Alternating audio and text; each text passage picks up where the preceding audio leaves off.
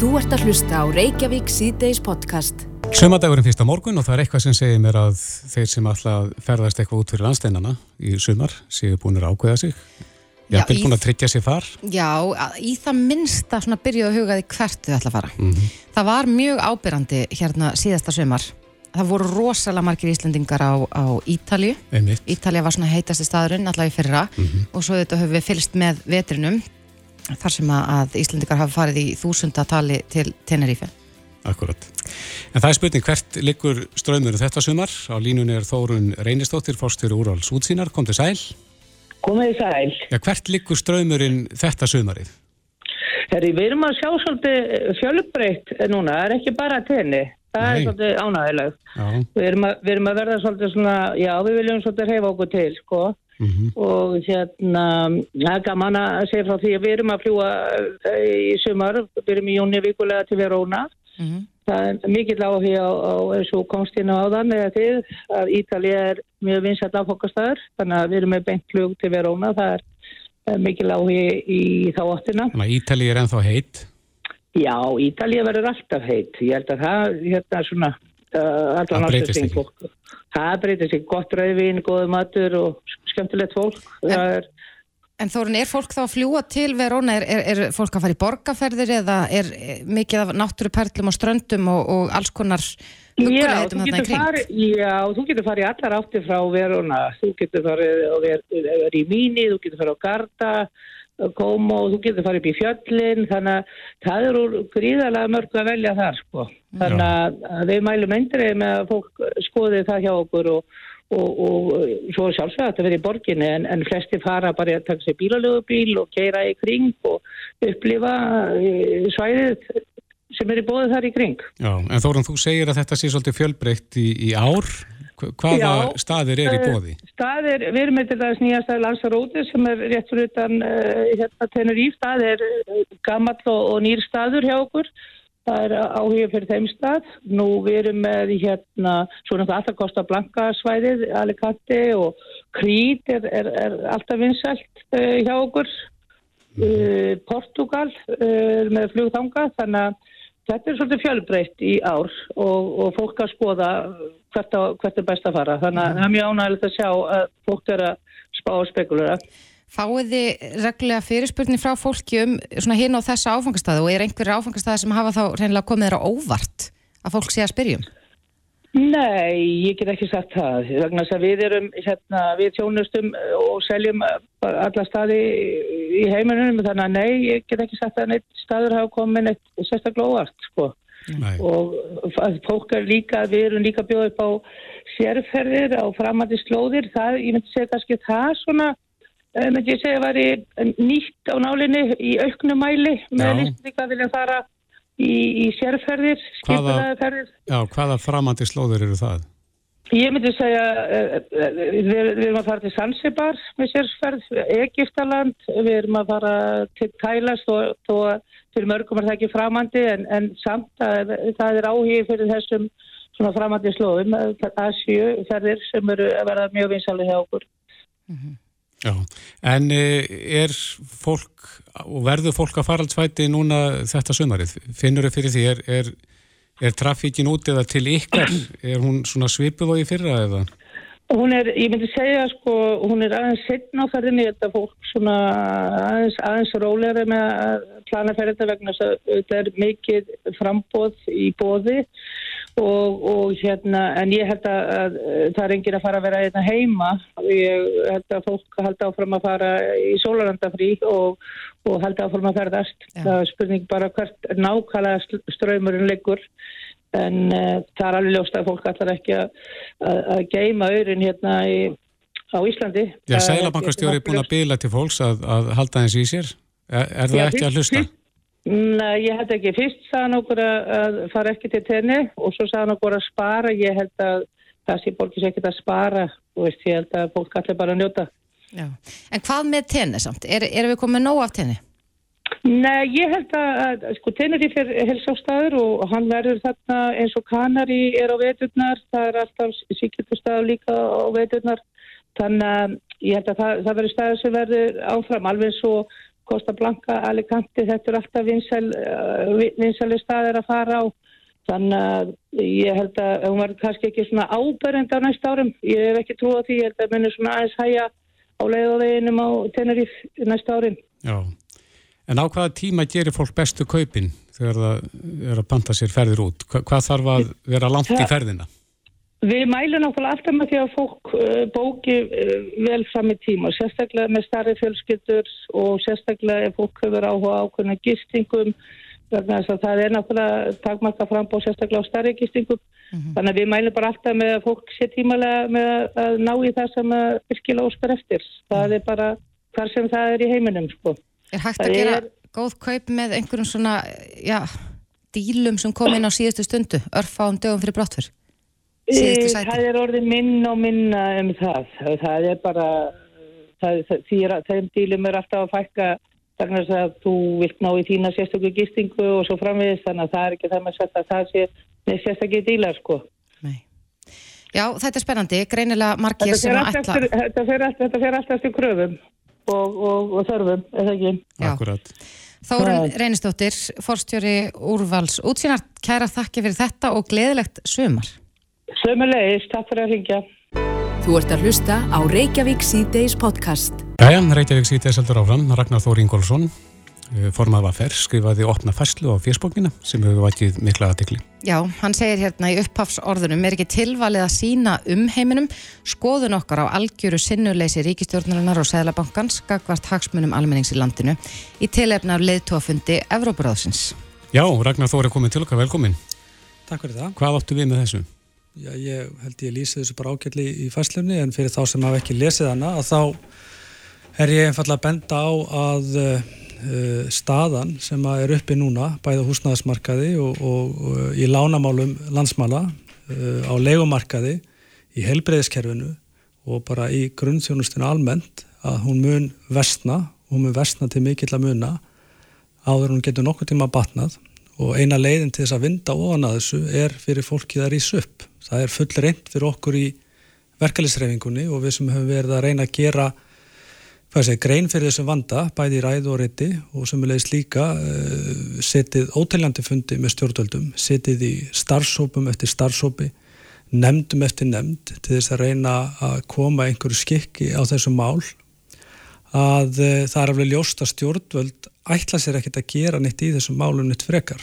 Og í ljósi til dæmis uh, yfirlýsinga uh, fjármálar á þeirra við kynning á síðustu fjármála áætlun að þá undirstrykar þetta í rauninni það sem ég er að segja að staðan mun vestna og þetta er rauninni orðin spurning hver þrælslund þjóðarinnar er mikil hvað fólk ætlar að láta bjóða sér þessa stöðu lengi og hvað hún þarf að vestna mikið áður að við rýsum upp Þegar við setjum fund eftir fund, hverjir eru kröfurna? Hvað þarf að gera til þess að laga ástandi?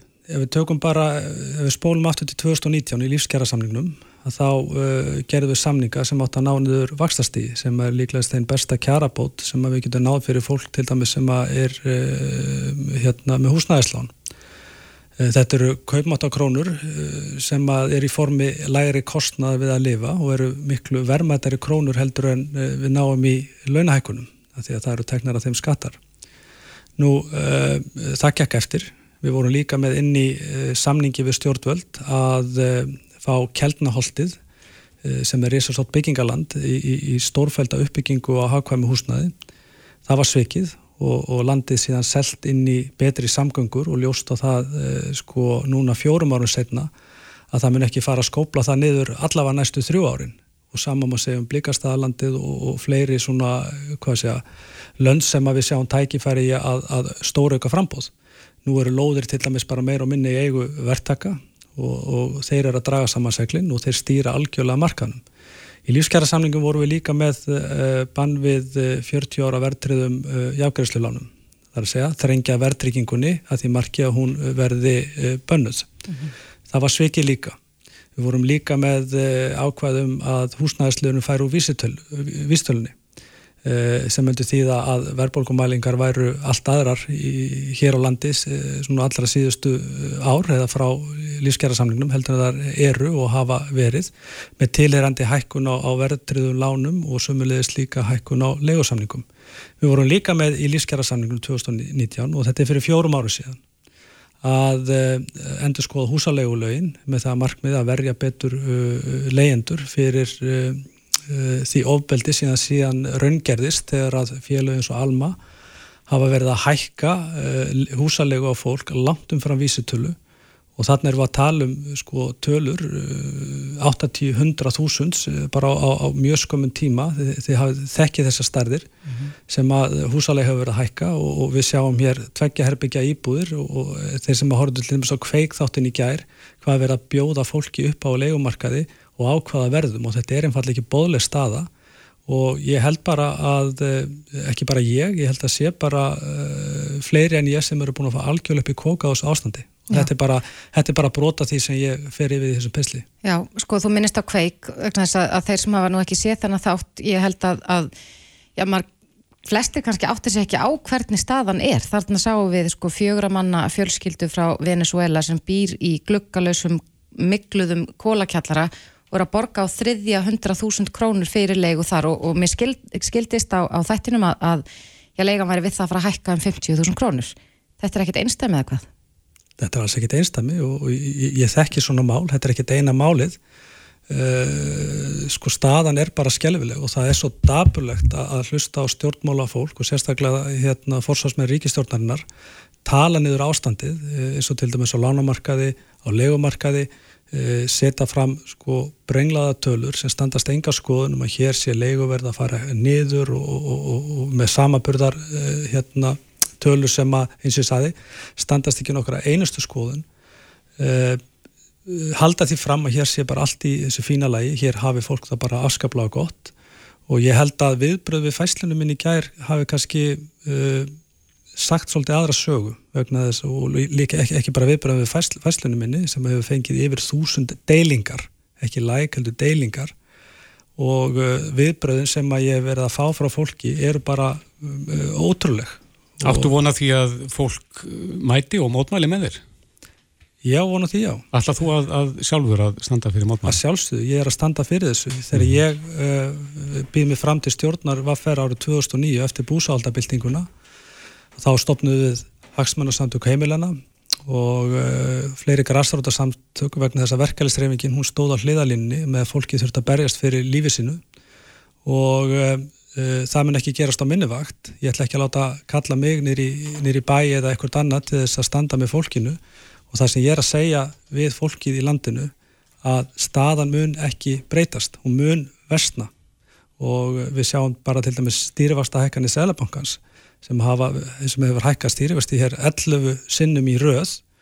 Og uh, vextir á húsnæðarslánum í Arjónbanka fór í 9,2% og brúarlánin sem að flestir eru með, sérstaklega unga fólkið og þeir sem eru kannski nýbúinur að, að ná að skrapa saman fyrir íbúð eins og hérna eftir hrunnið að þá eru brúláni komin í 10,6%. Bankarnir eru síðan að loka útibúum, minga þjónustu, hækka hérna, þjónustugjöld, það var verið að výja hér eh, sko, steinprýta glerhöll hérna niður í bæ af landsbankanum og bankarnir er að gera það fyrir gróða síðustu ára og þeir hafa aldrei grætt meira það eina sem að setja stryk í rekningi á landsbankunum með að við ákomuna núna í fyrra var tap á hlutabröðum með Arl mm -hmm. annars var bankandi fengið eh, sko 25-6 miljardum meira í hreinar vakstatekjur og af uh, álækningu uh, á milli ára frá 2021 til 2022 fyrirtæki standa gríðarlega vel. Þar hefur afkoman sjaldan verið betri Og þetta er einfallega ekki bóðlegt í okkar samfélagi. Við erum með heilbreyðustjónustuna, hún er í mólum, fólk þarf að býða 6-8 klukkutíma eftir þjónustundir og sliso eða, eða, eða, eða fær tíma í heimilisleikni eftir dúk og disk. Eh, þjónustan er síðan afgreitt af, af sko örmagna heilbreyðstarfsfólki sem er orðið hálf rallust af uh, neyðarköllum til stjórnvalda.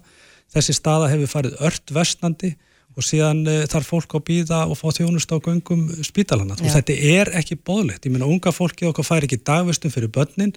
Gamla fólki er að deyja frá hérna, frá bygglistum eftir, eftir úrræðum.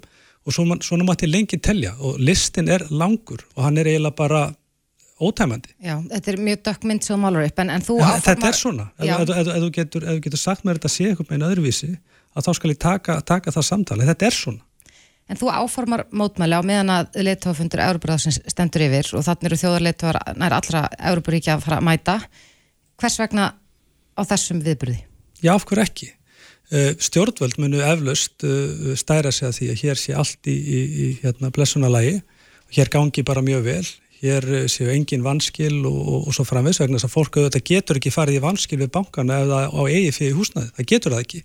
Það er alltaf einhver úrræði til þess að hleypa lánunum áfram endur fjármagna og svo framvegis þau munu segja að hér sé bara allt í blúsandi lægi en það sem er að gerast í kringum okkur ég meina núna í Nóri í, í hérna uh, síðustu viku var voru bóðu til verkvalla og verkvall er að hefjast hjá um 25.000 félögum starfskenarsambansins þar og allþjóðu sambansins við erum með mótmæli í Þískalandi og fleiri Norðurlöndum.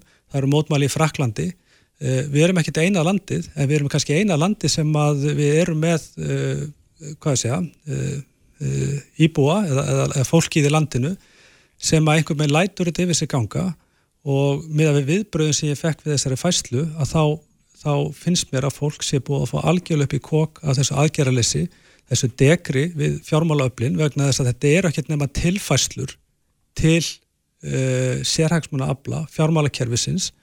Það sem er að gerast eins og varandi húsnæðislánin og þess að fólki sem er ennþá með fasta vexti sem renna nú sitt skeiði núni í haustu og næsta ári það er tilbúið til að taka þátt. Það, það, það ætlar ekki að býða og við getum ekkert beðið eftir aðgerum lengur af hendi stjórnvalda. Þau hafa svikið flest allt sem þau hafa lofað. Alveg sama hvort að sé hvort kjósendum eða samningum við verkeflistrefinguna ef við ætlum að býða þá kan til að kjara samninga renna út þá verður leigan komin upp um 20-30 skallið fólki. Eh, Sælabanki verður eflust búin að hækka stýrivesti einu sinni tvisar eða þrísvar mm -hmm. staðum bara vestna og vestna og vestna mm -hmm nema við rísum upp. Já, e, miða við viðbröð við fæslunni þá verður ekki einn á þessum mótmælum? Nei, heldur betur ekki og þetta er nú bara einn fæsla á, á fjersbókinni hjá mér og það er kannski alltaf læg að taka það fram að við höfum verið að undirbúa aðgerðir uh, hérna í, í samvennu við Hagsmann og samtök heimilana, samtök sem ég kom að, að stopna á sínum tíma vegna aðgerðarleysins, til dæmis verkefliðsreifingarinnar á þeim tíma, uh, reifingin er miklu öflur í dag að mínum mati og vonandi kemur hún með Við erum í, í, hérna, líka í slagtói við e, samtök e, leyenda sem eru, hafa bara fengið nýtt líf undir fórustu Guðmundar Harðar og e, það munir fleiri koma að þessu og við erum bara núna fullu að skipulegja og undirbúa mótmæli og, og, og fundi. Mm -hmm. Þannig að, já, ég bara vonað sem flesti taka þátt. Ef ekki, að þá mun ekkert breytast. Ef ég þarf að standa þarna einn, þá ger ég það bara Já. Ég gera það þanga til að fólki kemur og að tilbúið til þess að rýsa upp. Öðruvísi breyta slutinir ekki. Ragnar Þór Ingólfsson, formaðið að fer kæra það ekki verið komin. Takk sem leiðis. Þetta er Reykjavík C-Days podcast. Jæja, Reykjavík C-Days heldur áfram og við erum nú nefnt að hérna í þessum þætti áður að, að við hefum uh, talað um umbúsmann sjúklinga mm -hmm. í síðustu ár, við hefum ára tugi Já. og þörfin á því að koma slíku ennbætti á fót eitthvað tíma var nú umbásmaður sjúklinga uh, þetta ennbætti sett á fót en, en það var held í nýflugum mynd. Akkurat Ingi Björn Palmádóttir fyrir til á þeirra uh, gengti þessu starfi meðal annars. Já, en nú hefur Haldur á Móðunsson, þingmaður Pírata lagt fram þingsáltuna til og sem að mér skilsta líki nú fyrir uh, velferðanemn þingsins. En uh, þessi þingsáldunum til að var nú til umræða þing í dag í Jónfrúar ræðu varaþingmanns viðreistnar mm -hmm. sem að, að já, fagnaði þessari tillögu um umbásmannsjúklinga en, en uh, það var hún Ástrós Rud Siguradóttir sem að eh, var þarna að fagna tillögunni. Já, Pírata fá stuðningur óvandir átt. Vel, Velkomin Ástrós. Takk fyrir. Þú mistir eiginmann þinn Já. árið 2019 eftir langa baratuðu krabbaminn og segir hér og sagðir í, í ræðunni að, að, já, að þetta embetti umbósmaður hérna, sjúklinga hefði geta hjálpað ykkur á sínum tíma hvernig Alveg það? Klálega. Uh, þetta hefði í rauninni bara hjálpað okkur á þann hátt að uh, þetta hefði verið, þetta hefði auðvelda aðgengið að hinn og þessu eins og til dæmis að fá í rauninni að vita sín réttindi uh, hvaða eigðubluð á að fylla út hvert á maður að fara hvað á maður að sækja sér um ákveðnar eh, bætur eða hvaða maður inni, hvaða maður rétt á. Uh, það hefði verið svo ótrúlega margt sem að hefði hjálpa okkur vegna þess að þetta er algjör frumskóður eins og kerfi er í dag. Og það hefur rosalega lítið breyst síðan að Bjarki veiktist, hann veiktist 2012 og hann lést árið 2019 þannig að þetta voru sjö ár þar sem við stóðum í bara baráttu við kerfi að reyna að finna út hver okkar réttindi voru og, og, og hvað verið hægt að gera fyrir hann. Og líka, líka bara það að sækja sér sálfræði þjónustu og allt sem að við kemur er unni það að vera veikur. Að það sé bara allt á einum stað. Þetta er það sem þú ert rétt á. Þetta er það sem þú getur gert. Og bara í rauninu svolítið utanumhald og stuðningur. Mm -hmm. vegna þess að þegar þú veikist svona alvarlega að það er ekkert rosalega mikið sem að heldur utanum þig. Þú ert kannski inn á spítala þú ert kannski með þinn, þinn lækni en það er enginn sem að segir hvað þú ætti að gera. Og þú reynir að fara til félagsrákja sem að segir kannski já þú getur sótt um þetta og fyllt út þetta. En svo þarf maður að leita sér maður þarf að finna sín réttindi maður þarf að finna algjörlega, maður þarf bara að googla þetta. Mm -hmm. hvað get ég gert til þess að láta mig liða betur og til þess að ég þurfi ekki að borga heiminn hafa fjárhæðir fyrir hitt og þetta? Þannig að þú þartir að verða hálkir kerfisfræðingur. Var það ykkur upplifun að kerfi var að vinna gegn ykkur? Dálítið og líka bara svolítið að kerfin voru ekki að vinna saman mm -hmm. það er óbáslega algengt finnst mér að fólku upplifi það að kerfin vinna ekki saman og ég er alveg fullus með það umbóðsmaður sjúklinga hann myndi halda utanum allt þetta og ker, gerir, gerir kerfið í rauninni aðeins skilvirkara þannig að það sé í rauninni einfaldara uh, og, og auðveldara og örugara að leita sér hjálpar mm -hmm. Nú er, nú er þessi þingsvaldana til að hún hefur verið lögð fram og er, er uh, já, komin fyrir velferðan skildist mér Já, þetta er komið, komið í þeirra hendur og vonandi bara taka þeir vel í þessa tillögu mm -hmm. og ég, eins og ég hef alltaf sagt gott er gott sama hvaðan það kemur og þó svo stjórnarandstu þingmaður sé að leggja þetta fram það skiptir bara engu máli í stóra samhenginu mm -hmm. Vistu, við erum öll að vinna saman á þinginu og ef það kemur eitthvað svona frábært þarna inn þá eiga bara allir að segja geggjað, let's do it mm -hmm. Er þið þetta ennbætti þar að segja umbásmaður sjúklinga, er þið það uh, svona millistekki þar að segja málsvari sjúklinga gagvart kjærfinu sjálfu? Já, ég myndi segja það vegna þess að það er ekki bara uh, að það sjúklingar geti leitið sér ráða og fengi upplýsingar og, og fleira, það er líka það að vera að gæta hagsmunni sjúklinga þannig að ef að til dæmis sjúklingar ef þeir upplega það að það hafi verið brotið á þeim að þeir geti þá leita rétt að sinns og farið til umbúrsma sjúklinga og, og fengi þá upplýsingar og hann hjálpar þeim að komast í gegnum þetta mm -hmm. og sækja í rauninni réttin sinn og, og þannig að það er verið að tryggja líka hagsmunni sjúklinga og, og að hver og einasti sjúklingur fái sem bestu möguleg heilbyrjastjónustu hverju sinni. Það, þetta er bara ekkert sjálfgefið. Nei. Þú varst kornung þegar að, að maðurinn veikist og hann líka Já. Hvernig var að standa í þessum spórum varstu 24 á gömul að, að standa í þessum spórum gagvart þessum risa sem að heilbyrjaskerfið er að þekka ekki ekki orðin kerfisfræðingur eins og þú orðar það á þann Nei, nei, ég læri það að betur reynslu og ég læri það bara með tímanum. Þetta tók mig ansið langa tíma að læri náta en ég þurfti náttúrulega svoleiðis að leggja allt frá mér til þess að geta staðið við bakið á honum og hjálpa honum í gegnum þetta vegna þess að mér fannst skelvilegt að, að maður í krabbaminsmeðferð, í livjameðferð þar sem maður gæti alltaf staðið í lappirnar að hann þurfti að fara neyri tryggingarstofnun og fleira að sækja um hitt og þetta og, og fylla út eðublöð og skila einn ein alls konar gögnum. Uh, það þarf virkilega sterkan einstakling á baku veikan einstakling til þess að sinna þessum málum. Og það er bara ekki sjálfgefið að vegna þess að hverjað sjúklingur er ekkit endilega með frá, frábært bakland. Þannig að þarna kemur umbúsmaður sjúklingar sterkur inn. Mm -hmm. Þetta er þetta bakland sem okkur öllum vantar En með allar þessar sögur úr kjærfinu og bara áttu fólks við kjærfið er Já. þetta ekki risavaksið verkefni fyrir umbúsmaður sjúklinga? Þýrt ekki stórt apparat? til þess að sinna öllum þessum málum? Mm, jú, auðvitað er þetta stórt en uh, þess vegna er þetta svo mikilvægt mm -hmm. að því að það, þetta, er þetta á að vera lungu búið að, að sko, það á að vera lungu búið að koma á fót ennbætti. Mér finnst, mér finnst í rauninni svakalegt að það sé ekki búið að, að græja þetta nú þegar vegna þess að finn, þetta er svo mikilvægt.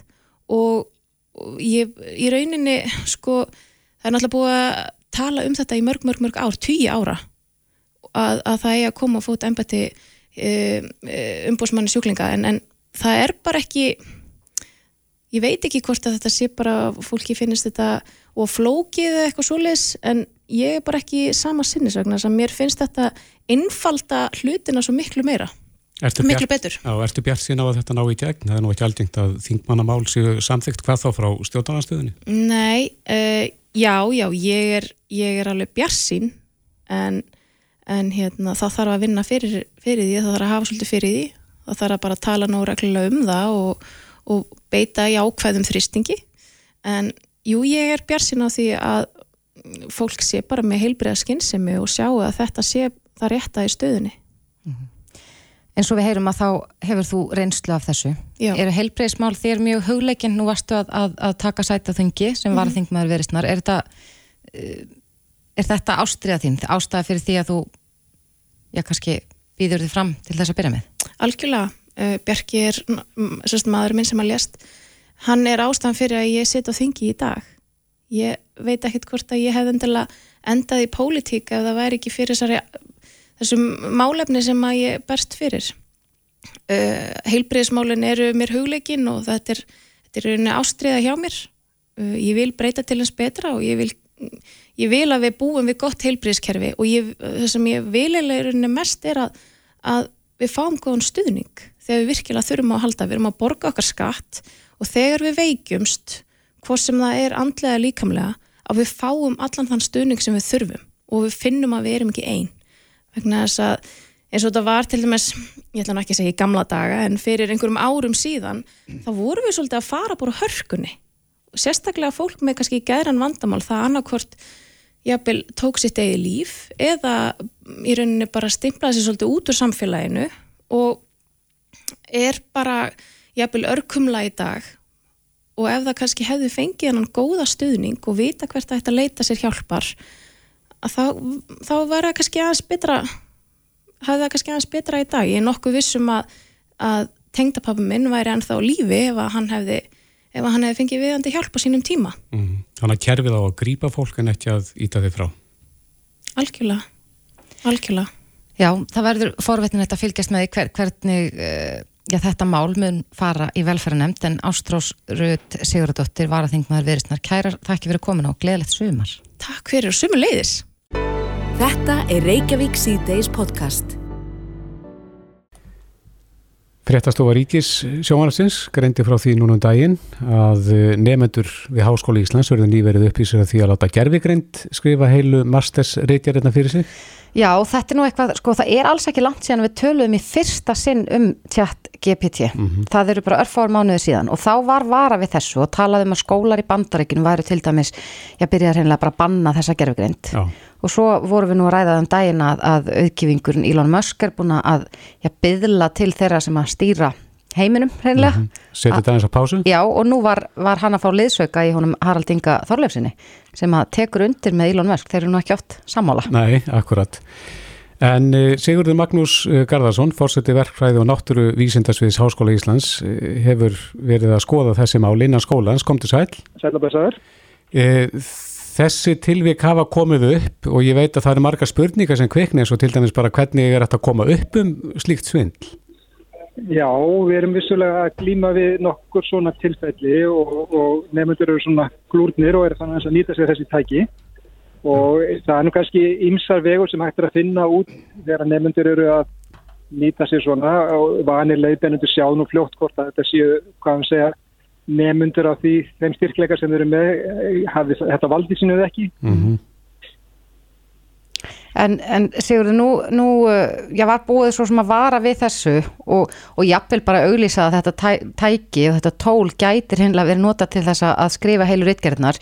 Er, er, er þetta mörg dæmi sem þið sjáu innan Háskóla Íslands þar sem að grunur er um slikt? Ég myndi ekki segja að þetta var í mörg dæmi en, en við erum náttúrulega bara sjálfsögur og var ekki eitthvað eins og en við erum náttúrulega líka bara hvetja nefndur okkur til að nýta þetta í góðum tilgangi og aðstofa sig við vinnu og nám þannig að þetta er ekki bara neikvægt og við auðvitað fáum við svona tilfelli öðru hóru. Mm -hmm. En það er lítið á þetta sem svindl eða hvað?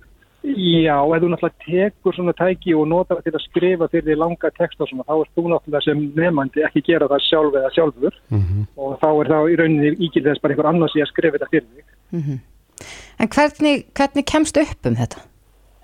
Í- Þú sér þetta frekar fljótt, það er kannski heimildavinnan er ekki nógu góð eða þetta er bara ofullkomin texti, segjum að þetta skil, skilin texta á ennsku og allt í mikið bara fullkomin ha- Oxford enska eða eitthvað svo list, þá sér þetta í kvelli að það er eitthvað bóið við þetta. Mhm. Er þetta aðalega þá rítgerðir sem er á ennsku?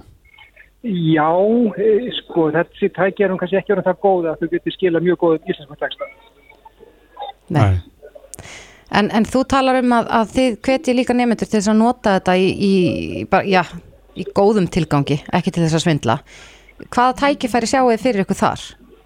Ég, það er náttúrulega að nota þetta marga veg og bara aðstofa sér náttúrulega við textagerð og svo er þetta náttúrulega líka rauninni bara öllugt leitar tón þar sem þú getur verið að skoða alls konar hluti og fengið alls konar aðstof. Nú, þú getur líka til dæmis, ef þú ert í forritum til dæmis, þá er þetta mjög klokt og gott í að skrifa forritunabúta fyrir því og þá getur þú kannski fengið þetta til aðstofa við það og þá þurfa kennarar náttúrulega að vera meðvitar um það að þeir þurfa kannski að leggja heimandæmina aðeins öðruvísi fyrir og þetta er það sem að við erum að skoða og velta fyrir okkur. Já. En uh, staðreindirnar, er, eru staðreindar villur í þessum textum? Já, já, þegar þú ferð að skoða þessi tæki og prófaði áfram þá sérðu það kannski, ég ætlum ekki að segja hennar prósentu tjólu en oft á tíðin er bara, kemur bara tómt þetta út úr þessu. En við erum náttúrulega mjög snemma í ferðinu, við þurfum að eh, gera okkur einn fyrir því að þetta er svo glænýtt. Eh, DBT kemur bara fram, já, ég held ég bara í desember og við erum núna, hvað erum við að tala núna í april, þetta er bara örfáur mánuðir. Þannig að þetta er bara rétt að byrja held ég. Já. Er grunur um að einhver, einhverju hafi sloppið í gegn? Ekki svo við vitum, en maður svo sem kannski hefur ekki fullkomni yfir sínir allt. Nei. Hvað slags viðurlegu eru við, við slíku? Þetta fer bara í hefðbundin farveg hjá leiðbendum og, og deildafósitum og það getur þá verið áminning eða, eða eitthvað þannig að vera. Það er bara metið í hverju tilfelli. Já, þannig að fólk gæti fengið annan séns? Það er alveg möguleiki, já, já. Þetta er náttúrulega bara, við metum hver tilfelli fyrir sig. Og auðvitað eru nefndur kannski ekki alltaf að gera þetta eh, algjörlega meðvitað hvað er má og hvað má ekki. Nei. En eru kennararnir meðvitaður um þetta og er, er umræða um þessa tækni innan kennararliðsins? Já, já, þetta hefur lítið annað rætt síðustu mánuði heldur en þetta, þannig að það er mikil umræði í gangi. En nota kennarar þetta tæki á einhvern hátt? Já, alveg, pátt já, já, við erum að fara að nota þetta, já, alls konar hluti. En er, er þetta ekki greiðlega mikil endurmentun fyrir kennara að, hreinlega þurfa að temja sér þessa tækni já, til þess að halda yfir nefnduna sem eru eflaust djúft soknir í þetta? jú, jú, kennarinn er svona alltaf að tilenga sér eitthvað nýtt, þannig að þetta er svona bara, þetta er inn í þá flóru og auðvitað er þetta líka bara spennandi að taka þetta inn í kennsluna og nýta sér þetta svoleiðis. Það er eiginlega það sem við sjáum sem mestu tækifæri. En það ætti kannski að, að hvetja fólk allavega til að lesa textan yfir ef það ætlar sér að svindla. en þú ætlar að svindla þá verður það að gera það vel. er það ekki? Já, Sigurður Magnús Garðarsson, fórseti verkfræði og náttúruvísindasviðis Háskóla Íslands. Kæra þakki fyrir spjallið. Já, bara velkomin, takk fyrir. Reykjavík síðdeis á Bilginni podcast. Í gær eh, var fréttaskýringa þátturinn Kveikur á Ríkisútvarpinu að fjalla um húsnæðismál. Þetta var sláandi þessi þáttur og viðbröðin hafi verið gríðarlega mikil. Rötu við meðal annars inn í Þingsal í dag þar sem að Inga Sæland tók þetta mál upp á alþingi og, og spurði innveðar á þeirra hvað hann ætlaði að gera. En þarna var verið að sína sko óbáðlegar aðstæður sem fólk býr við meðal annars fjóramanna fjölskylda sem að hýrist í hættulegum kólakjallara í Reykjavík. Þetta er Engir ekki- gluggar og allt í miklu. Einmitt, þetta er ekki einstæmi. Nei, hann sagði það nú við okkur áðan hann Ragnar Þór Ingólfsson að, að hann vissi af mörgum svona dæmu. En það er spurning, hvernig má það vera að, að fólk búi við þessar aðstöður? Og í þættinum í gær var nú verið að rifja það upp að þegar að, að þessi hræðilegi bruni varð á bræðrabrokastík að þá, já, var lofað bót og betrun. Á línunni er Sigurður Ingi Jóhansson, innviðar á þeirra. Sæl. Já, sælveri. Já, þú sást uh, fréttastýringa þáttin Kveik í, í gær Já, ég horfði á hann. og hvernig slóði þetta þig? Ætlaði ekki bara að svipa á alla aðra að, hérna, manni var bara verulega bröðið að, að sjá í hvers konar aðbúnaði og húsnaði sem er algjörlega óviðanandi fyrir fólk sem fólk býr í. Og á sama hátt og, og svo það komið fram að þetta er nú það besta sem að viðmælendur kveiks hefur séð að þá einhvað síður þá er, er eitthvað til af þessu húsnæði þá er síðan ekki svona ræðilegt en það veitir manni þá líka einsýn í að, að það sé hversu langt það er gengið að, að gera heimt fólks og húsnæðisvanda sem við erum auðvitað að klíma við að fjöðhúi sko. og það er bara að, satt að segja hálf rillilegt til þess að hugsa að hvaða fólk leiði sér í þeim öfnum þar að segja þeir sem eiga slíkt húsnæði og leiða það út jáfnvel fyrir, fyrir okkur fjö og það er bara sár vombriði og ég held svona samfélaginu okkar öllu alvarlega áminning Akkurat. Það er nú lagarami í kringum slíkt og til dæmis eh, var tekið fram í gæra að þessi tiltekni já, kólakjallari er skráð atvinnuhúsnaði en samt sem áður er, er fólki með skráð lögheimilar og eru með þinglistan leigusamning, hvernig má þetta vera? Já, það er nú, ég, ég fór ekki að, að hérna, tala um það einstakar dæmi vegna þess að það á ekki vera hægt að skrá, skrá það þannig að spurning hvort að það sé gert með einhverjum það sé verið að gera einhvers, einhvers konar svindli því, ég, ég þekki það ekki en, en það sem við höfum verið að skoða eftir blæðum var að það kom ágættis skýrsla út með einhverjum 13 tilhugum og uh, við erum búin að vera að vinna með þær og fimm, fimm af þeim tilhugum er þegar lokið og sjö þeirra eru síðan til umfjöldunar hjá teimur starfsópum hjá mér og annar þeirra hefur nú þegar skilað af sér tilhugum sem eru núna til sem sagt umsagnar í svo kallari samráðskátt og munum vantarlega leiða til þess að við gerum breytingar á, á lögum eh, meðal annars eh, um lögheimili og aðsetur eh, þar sem að kemi vel til greina að mitt að, að gefa þann möguleika að, að það sé að skrá sig í í atvinnuhúsnaði en það þýðir þá það að það væri þá búið að taka það út og gera einhverja loka úttöktir og gera kröfur. Sama gildir um síðan um, það sem að slökkuleiði var að fara fram á og fá auknar heimildir. Já, til að fara inn í íbúður húsnæði. Geta farið inn í slikt húsnæði og mm. það hérna, þurfum þá einnig að gera það. Og, og fleiri atriði sem að eru, eru þarna undir. En segur þér, er ekki rótin að þessum vanda skortur á húsnæði? Það er búið að kalla Jú. eftir fleiri nýbyggingum? Þetta er, þetta er nákvæmlega það sem það segir Kristofur sko, og við tekjum þetta í sögu okkar. Við hefum áður glýmt við svona vandamál. Þegar fólki fluttist í gamla daga úr sveitum í bæina í, í kreppu ástandinu og einnig þegar fólksfölgunin var hvað mest eftir stríð. Mm -hmm. en við eins og hefum sett okkur lög og reglur sem eiga að tryggja öryggi hotlistætti og eldvarnir og þetta regluverk þess að endur skoða reglulega en þarna er bara einfallega komin tíma að gera betur og, og þessi vinna sem hefur komið eftir, eftir bræðrabankastíks fyllilega eh, hérna, slísið og... Já, en sínir, fyrir ekki að segja, sínir þessi kveikstáttur ekki að það þarf einhver bráða úrræðið, það þarf úrræðið strax? Jú, og eitt af því er sem sagt í kjölfarið var tekið nefnitt skoðun af þessu atvinnuhúsnaði og það er nýðurstaðan svo að við þessar aðstæðir þá væri það ekki þá væri það ekki besta leiðin að banna það og búa til enn meiri vanda húsnæðismarkaði. Heldur fyrstu við að hugsanlega heimila tímabundna búsetuðar en þá með auknum kröfum og auknum heimildum um eftirlit. Mm -hmm. vegna þess að það sínir sig því miður að óprúfnir aðalar séu tilbúinir að gera eh, stöðu fólks, erfiða stöðu fólks af sinni fjöðu og það verður auðvitað alltaf en við getum reynd að minka það sem kostur er með því að hafa regluverkið og löggefin að skýra. Mm -hmm. Vorum að eh, ræða við hann Ragnar Þór Ingólfsson hér áðan, forman Vaffer og hann, eh, já, sakaði ykkur stjórnvöldum ítrykku svik meðal annars varðandi sko land, til dæmis Kjeldnaland og fleira þar sem að lofað var að erði byggt heilmikið af húsnæði og, og ekkert hefur gerst og að nú væru verktakarnir með þessar lóðir í gíslingu. Hvernig bregstu við því? Er, er við að bregðast nægilega vel við þessum húsnæðis vanda? Við, við erum örglega ekki að gera þetta nægilega rætt, ekki heldur í þessu vorum að ræða en, en við erum hins vegar núna að komin með ramma samkómulag við öll sveitafélagi landinu, við sambandísku sveitafélag sem var gert í fyrrasumar.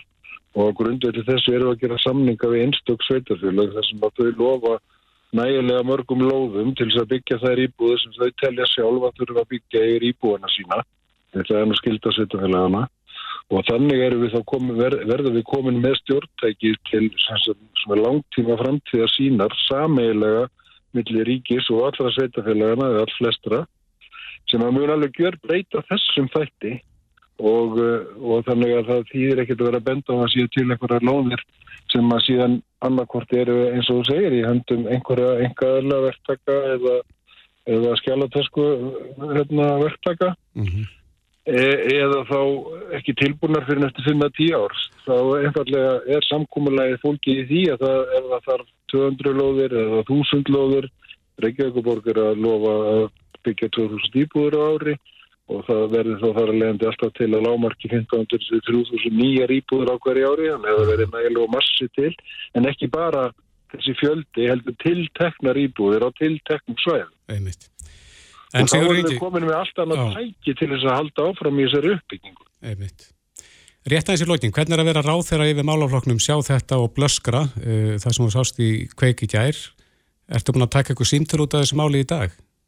Já, já, við erum auðvitað búin að fara yfir þetta og vorum auðvitað búin að gera það áður líka því að við vorum að setja þetta, þessa tillögur í sambanskátt og það verður að fylgja þeim eftir til þess að geta komið með breytingar á löggefinni í þingið. Mm -hmm. Já, við skulum vona... En maður vildi oft, maður vildi oft geta gert meira en sumt ráðu við við og annar verðum að treysta því að fólk hægir sér eðlilega í samskiptu við hvert annað og það er eiginlega ekki hægt að halda því fram með þessa húsnæði sem við sáum í gerð. Nei, við skulum vona að, að já, þetta ástand batni og fleiri þurfu ekki að, að dúsa í kólagemslum.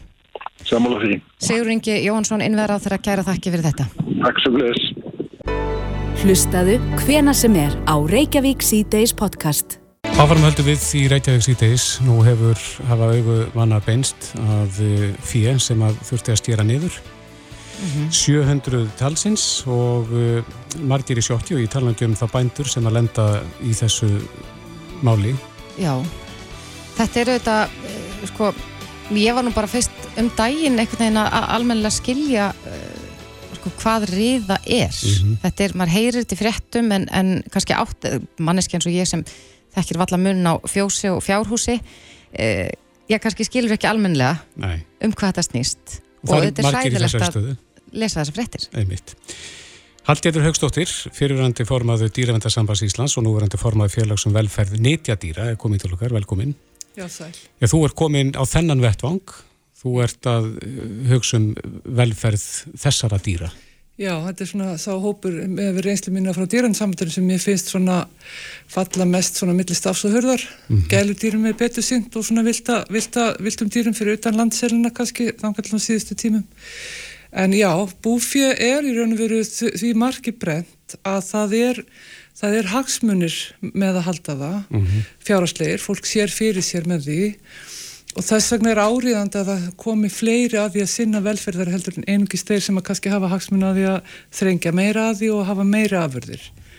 Uh, ef við tökum þetta mál, söðfjö, sko, og skoðum það engung út frá dýravelferð, þá verðum við að skoða bara hvað dýravelferð er og í lögum með velferð dýra þá er meða við að þau geti sínt sitt aðlega atverðli og, og séu ekki hrætt og upplifu ekki sársaka annars líkt og þar eru kindur nokkuð ofarlega miða við þá það, þau dýr sem við erum að halda þannig að það er alveg ástæða til þess að, svona, að reyna að halda í þær En fyrir ekki, þið má ekki búast við því að þessi stóri hópur að því að þetta, það lág mikið á hefur vantilega gengið mikið á Já. við að slátra þessum stefnum Já.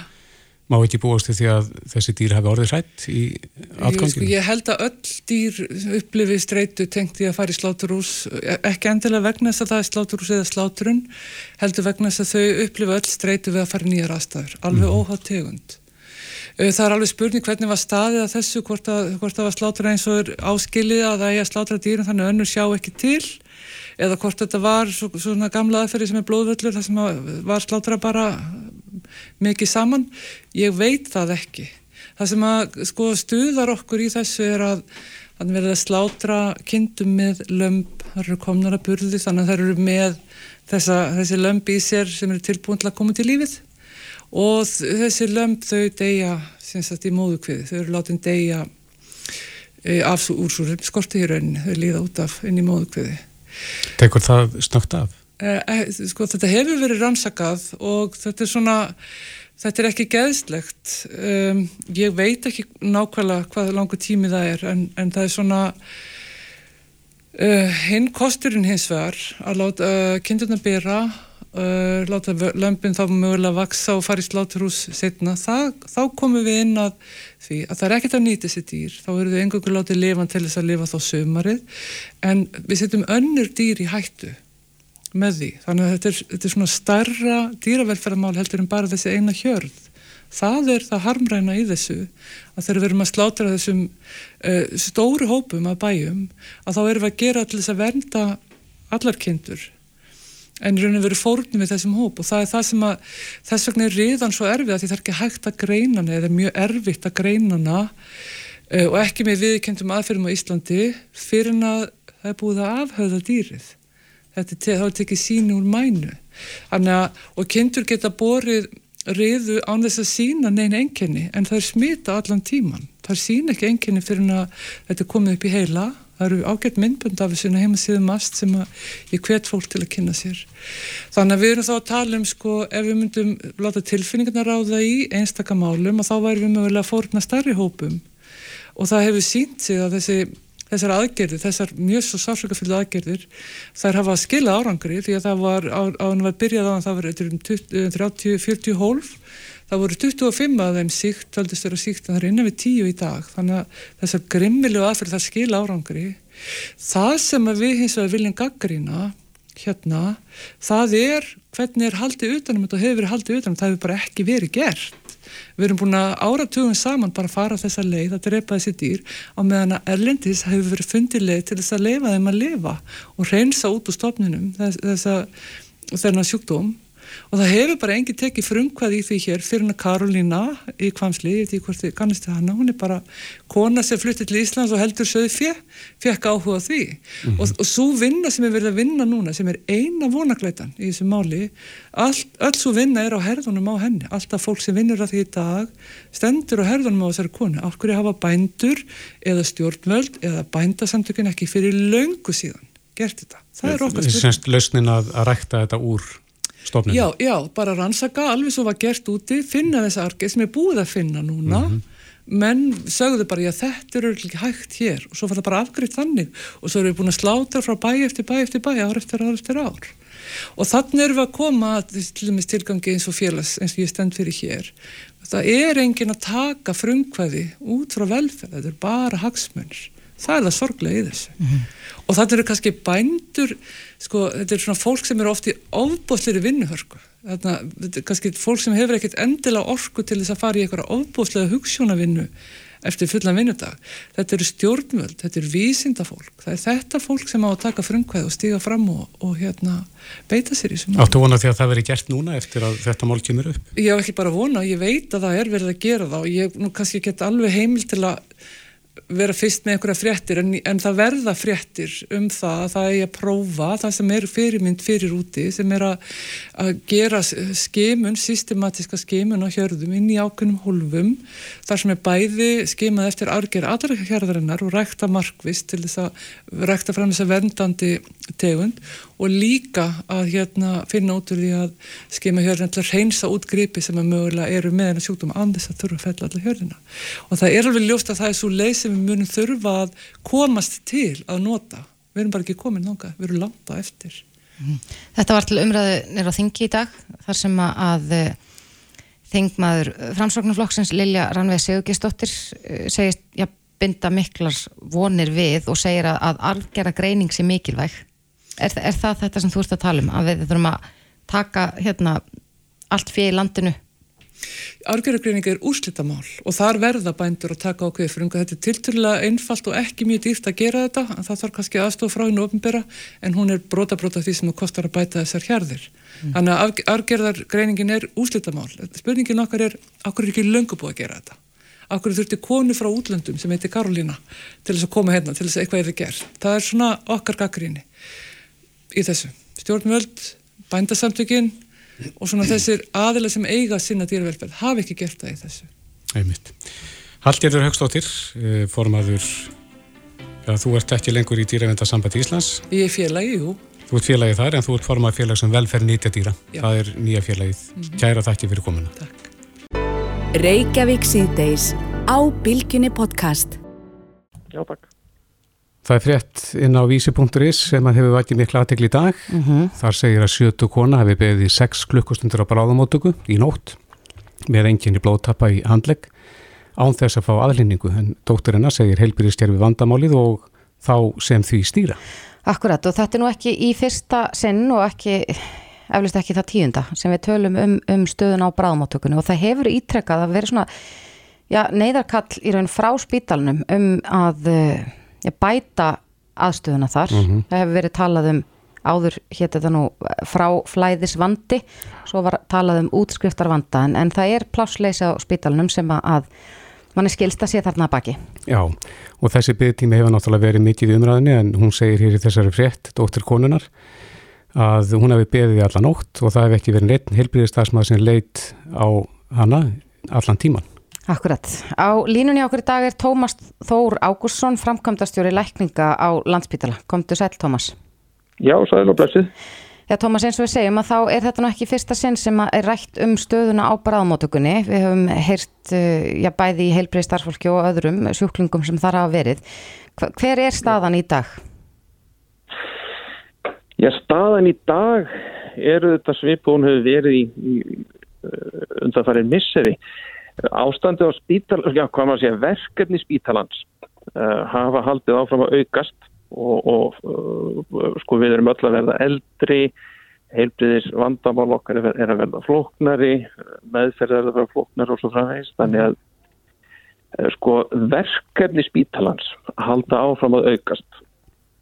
Og við sjáum það vel í tölum sem við, innan, sem sem, sem við höfum hér innan spítalans að sko framleiðnin í bræðáþjónustum á spítalan eru aukist um sko að minnstakosti fjórðunga undanföllnum árum frá því þeirri COVID. Mm -hmm.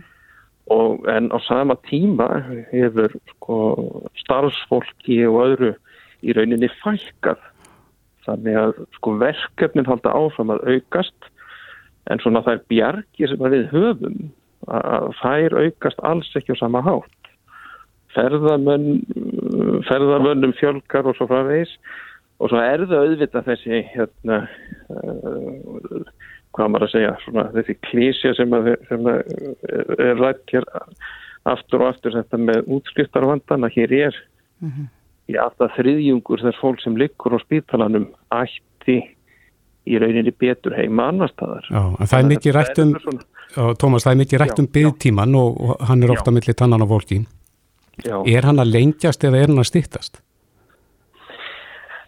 sko komum á bráðamótökuna hefur fjölgað mjög mikið undanfjöndum áðum. Þannig að nú undanfjönda daga sjáum við að það koma cirka 200 manns á bráðamótökuna og svona ring. Þegar ég byrjaði að vinna á spítalanum fyrir tíu ánum síðan þá þóttu 100 komur á dag mjög mikið. Þannig að þetta, þetta heldur áfram að aukast en sko landsspítalin er þjóðarsjúkrahúsið og það er sko við erum endastöðin hér á Íslandi Þannig að við þurfum að við tökum við öllu og við reynum að þjóna öllum eins og við mögulega getum. Mm -hmm. um, en það þýðir auðvitað það að sko sveiflutnar í álægin og þar með talið byggtímanum á bráðamáttökuna þær eru oft mjög miklar. Stundum er engin byggð en stundum getur verið mjög sko, mikil byggð og sérstaklega þegar ástandið er eins og það er í dag þar sem að sko manneklan á innan bráðaþjónustunar er, er vaksandi vandamál og þá eigum við uh, sko uh, þá, þá verða þessar sviplu kannski meira ábyrjandi einmitt þar mm -hmm. og, og, og, og þeim stað þeir skilningu á við. Akkurat. En, en þetta mál sem að hefur verið nú til umræðu í dag uh, já, ég held að, að margir óttist það hreinlega að koma á bráðmótökuna á, á þjóðarsjúkurási okkar og fá ekki aðlýningu frá heilbriðstarfólki heldur að þurfa að sitja og býða. Hvað stendur til að gera til þess að bæta ástandið? Við erum alltaf að gera alls konar hluti til að bæta ástandið og uh, við höfum þetta gert mjög mikið núna undir þetta missurum, við erum hér ný framkvæmda stjórn að, hérna, einbytt okkur að, að þessum vandamálum og, og, og það eru ymsi hluti sem við gerðum hér innan hús eins og til dæmis að við eflum, hefur við að efla hér, hér svona bráðardagtiltar þjónustu.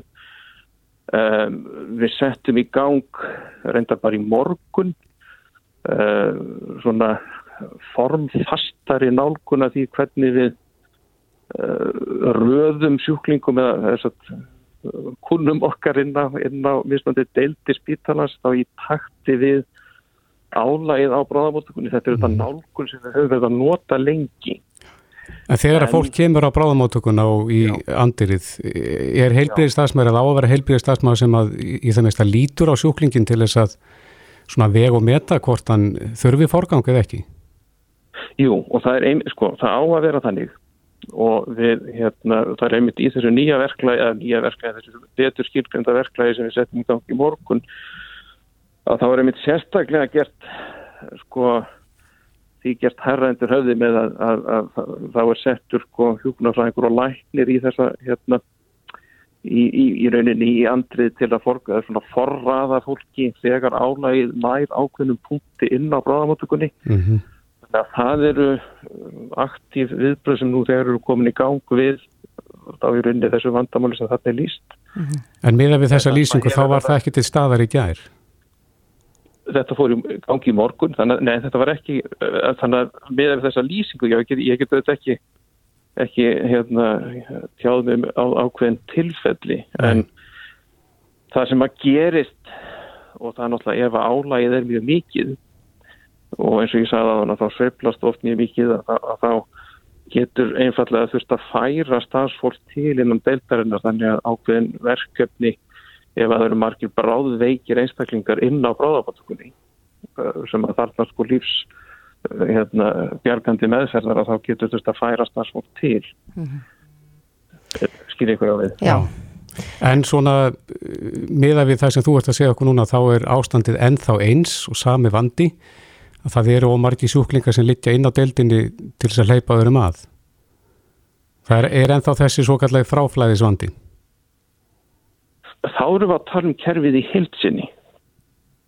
Mm -hmm. Þannig að sko, fráflæðisvandin eins og illa okkur er nú að, að tala um, um það að það, það snýst um spítalan í heilsinni þannig að það er erfitt að útskrifa fólk og, og þá myndast þessi uh, svona tappi eða hvað maður að segja þá, þá myndast þessi álags kúfur þarna í, fremst í bráðafjónustinni mm -hmm. og þetta er sko, þetta er ekkert sér íslenskt fyrirbæri ef við horfum til landana í kringum okkur uh, sko ég uh, vann mjög lengi í Breitlandi og, og hef áfram mjög mikið tengst náka þar býður fólk í sko sjúkrabílum fyrir utan báðabandugunni marga klukkutíma. Það er engin afsökun eða engin útskýring á leginu en það er sko áskoðanarnar eru það sömu hér og þar? Það er þessi breyting á samfélaginu það er þessi aukna þörf á þjónustu sem að við einfallega verðum að beita svona ráðum eins og við erum að beita núna til þess að ráða við. Akkurat. Ertu bjart síðan á að, að, að já, þessi vandi sem að er, við ræðum oft um að, að þetta muni lagast á næstunni? Sér nú ekki alltaf, endilega fyrir endan á fólksfjölkunni? Ég, ég er gríðalega bjart síðan maður og ég held að það sem við erum að gera núna er, er þetta eru mjög svona hérna, ákveðnar aðgerðir sem eru auðvitað sem við byggjum auðvitað á aðgjörðu sem við verið í með lengi. Um, og ég held að við sko, Íslands heilbíðiskerfi er mjög gott heilbíðiskerfi spítalin, landsspítalin er mjög góður spítali. Við sjáum það á þessum svona stóru árangursvísum sem við berum okkur saman við öðnur lönd að við erum best í heimi í langt bestu, ég meina við vorum langt best í heimi í COVID, það er engin tilvíljum, það er að því að við höfum gríðarlega hérna, gott starfsfólk mikið kompetensinn á spítalanum og það er í rauninu alveg ótrúlega að við skulum geta reykja þetta helbriðskerfi með þessum árangli hér. En í þessum, þessum álagspunktum, þess að þau koma fram þarna, þá er auðvitað við, við, við verðum að skoða svona tilfelli eins og þarna koma upp og gangu skuggum að við gerum allt sem við getum til að það gerir þetta ekki aftur. Einmitt, það er gott að heyra. Tómas Þór Ágússon, frangværtastjóri lækninga á landsbytalanum. Kæra þakki fyrir þetta og gleðilegt sumar. Já, sumulegist. Takk, takk, takk, takk. Reykjavík síðdeis á Bilginni podcast. Jæja, við höldum áfram og áðurna við hverjum ykkur kærlustendur þá ætlum við aðeins að kíkja á það hvernig veðrið mun vera á morgun á sumardaginn fyrsta. Já, þetta er síðasti vetradagur í dag. Já. Sumarið á morgun, það er spurning hvort að sumarið heils okkur almennilega. Já, á línunni hjá okkur er hann Óli Þór Árnason, veðurfræðingu hjá Veðurstofu Íslands. Komdu sæl, Óli. Komið þið sæl. Já, hvernig mun við er á morgun?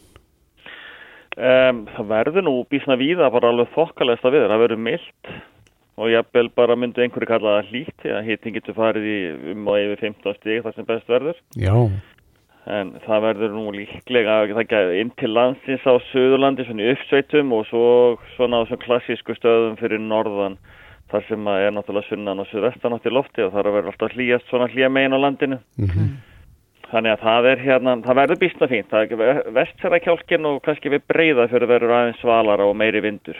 Já, fylgir sól þessu, þessum líðandum? Um, sérstaklega fyrir norðan á Ísland. Tómun verða léttara yfir hér á höfuborgarsvæðinni eða inn á faksaflóanum.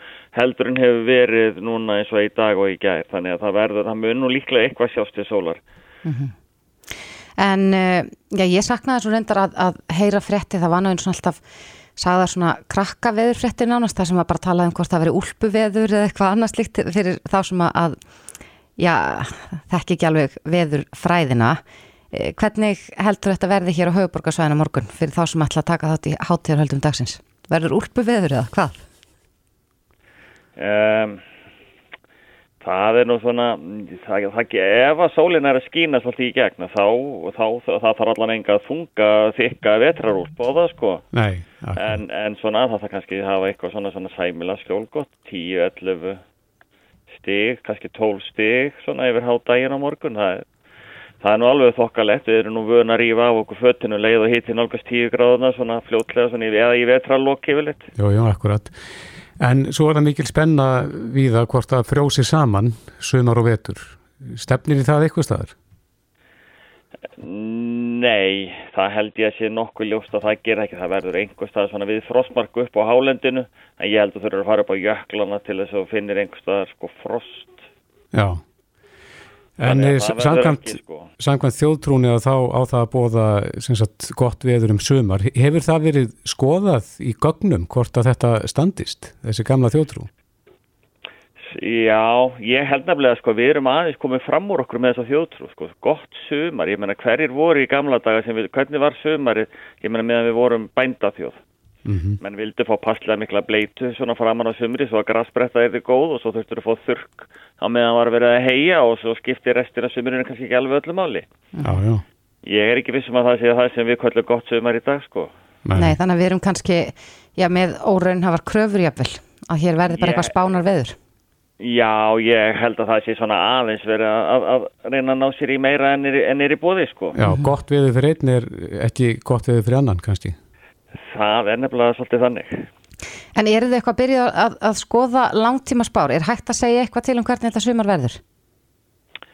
Það er hafa nú tilhengu til að ganga frekar illa eftir þannig að maður er að bara ef maður segir eitthvað þá kemur ég vildi akkur að töfust út sko þannig að Segðu þá að verði... Ég, leifi öðrum spámönnum að, að hérna spáum það en, en það eru ymsa spár sem benda til þess og ég veit að eins og í Breitlandi hafa menn verið að keppast um að vera að tala um að verði hýtabilgjur og, og svo framvegis. Mm.